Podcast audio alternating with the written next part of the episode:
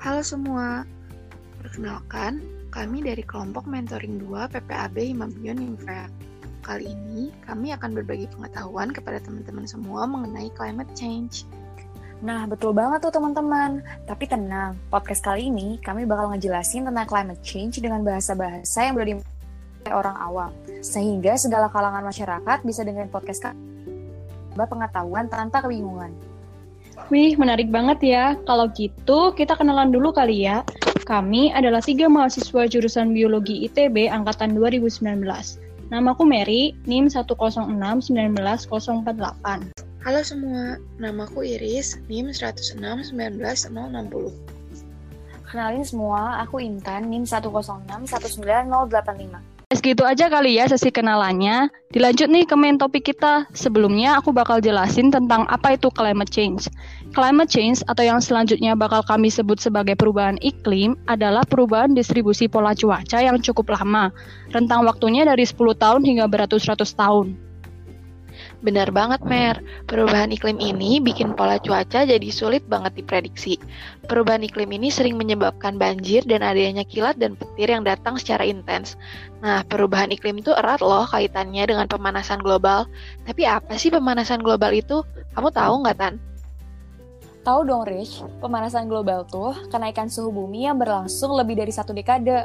For your information nih, suhu bumi kita ini udah naik terus dari pertengahan abad 20 sampai sekarang loh. Serem juga ya.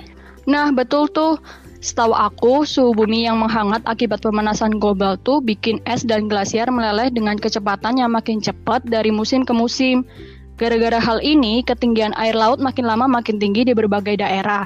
Akibatnya, daerah samudra meluas sehingga merusak bagian pesisir dan memperbesar potensi banjir dan erosi. Ih, ngeri banget ya. Kalau hal-hal tersebut dibiarkan dan terjadi dalam jangka waktu yang lama, bahaya banget loh teman-teman bagi bumi dan seisinya. Lama-lama bumi kita bakal terkikis daratannya. Dan kalau udah gitu, segala kehidupan di atasnya juga otomatis bakal ikut tenggelam. Tenang-tenang, emang dampak perubahan iklim ini serem banget. Tapi masih ada waktu kok buat kita ngejaga bumi kita dan seisinya. Tapi sebelumnya kita harus tahu dulu apa yang menyebabkan perubahan iklim ini. Benar-benar. Tadi kan Iris udah bilang kalau perubahan iklim itu erat dengan pemanasan global. Sebenarnya pemanasan global adalah penyebab perubahan iklim sendiri. Apa ya yang menyebabkan pemanasan global?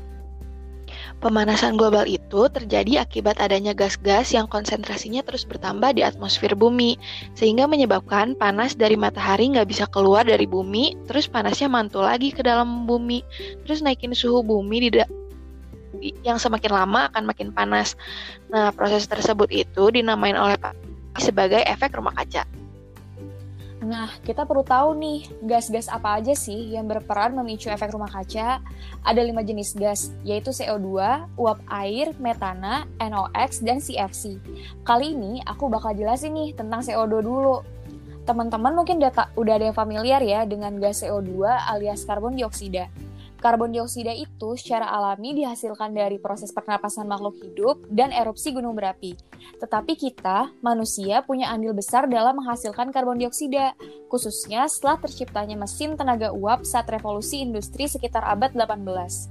Zaman sekarang, karbon dioksida dihasilkan oleh manusia dalam dalam jumlah yang sangat besar berupa asap kendaraan, kendaraan bermotor, asap mesin-mesin industri, atau deforestasi hutan.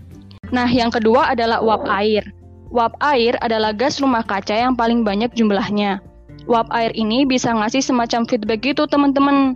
Kalau misalnya atmosfer bumi menghangat, uap air bakal meningkatkan bakal meningkat sehingga curah hujan juga ikut juga juga ikut meningkat. Nah, selanjutnya yang ketiga adalah gas metana. Meskipun jumlah gas rumah kaca ini cenderung lebih sedikit dibanding gas-gas lain, tapi gas metana ini punya kekuatan menambah efek pemanasan global 25 kali lebih tinggi dibanding gas karbon dioksida loh teman-teman. Parah juga ya, dihasilkan dari mana sih gas metana ini? Gas metana ini paling banyak dihasilkan dari peternakan. Karena metana adalah gas emisi dari pencernaan hewan ruminansia, misalnya sapi. Masalahnya, karena biasanya budidaya peternakan itu dikelola oleh peternak-peternak desa dengan jumlah yang tidak terkontrol, sulit untuk memberi edukasi terkait pengelolaan limbah kotoran hewan ternak yang baik agar tidak membahayakan lingkungan.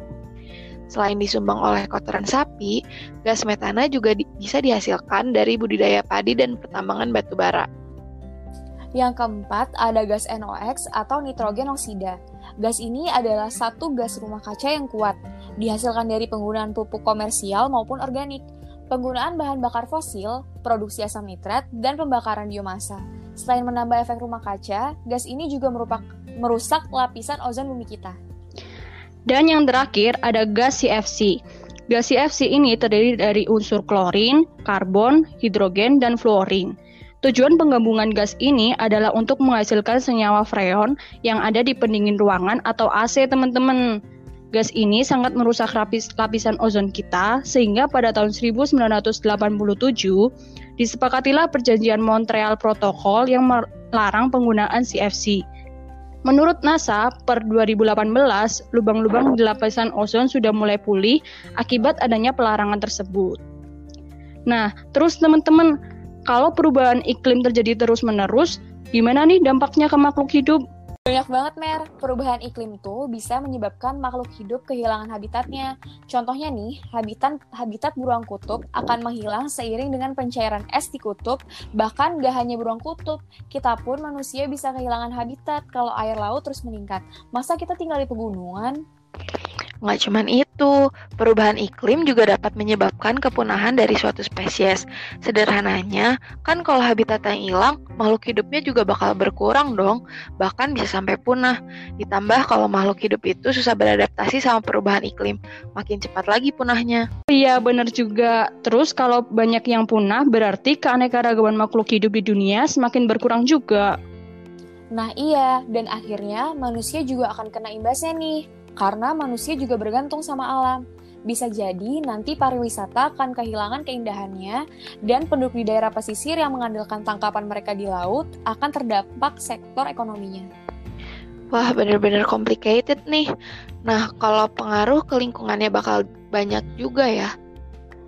Misalnya aja, banjir yang sering terjadi bisa menyebabkan infrastruktur di daerah itu makin rusak. Wah iya, suhu di bumi kan juga makin meningkat nih. Dan kalau dibiarin terus-menerus, kota yang sudah panas jadi makin panas dong. Tidak cuma itu teman-teman, bila iklim tidak berjalan normal kan menyebabkan krisis air bersih.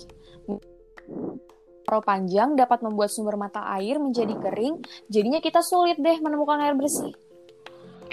Nah, teman-teman, kami kan tadi sudah nyebutin 5 gas yang memiliki andil besar dalam menyebabkan global warming, yang kemudian menghasilkan perubahan iklim yang tak terkendali.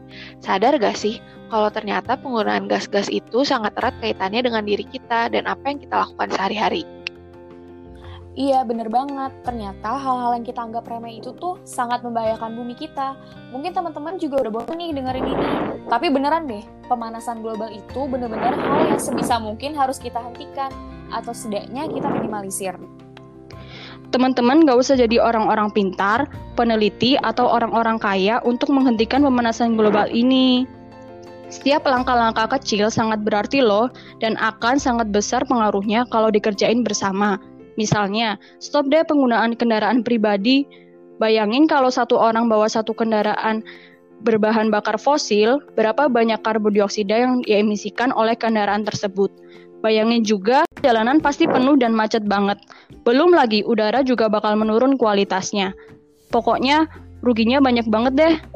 Langkah kecil yang bisa kita lakukan adalah dengan naik kendaraan umum atau kalau lokasinya deket, biasakan jalan kaki atau naik sepeda gitu teman-teman. Selain menjaga bumi, kita juga bakal sehat. Bener banget tuh kata Mary. Selain itu, stop penggunaan AC berfreon.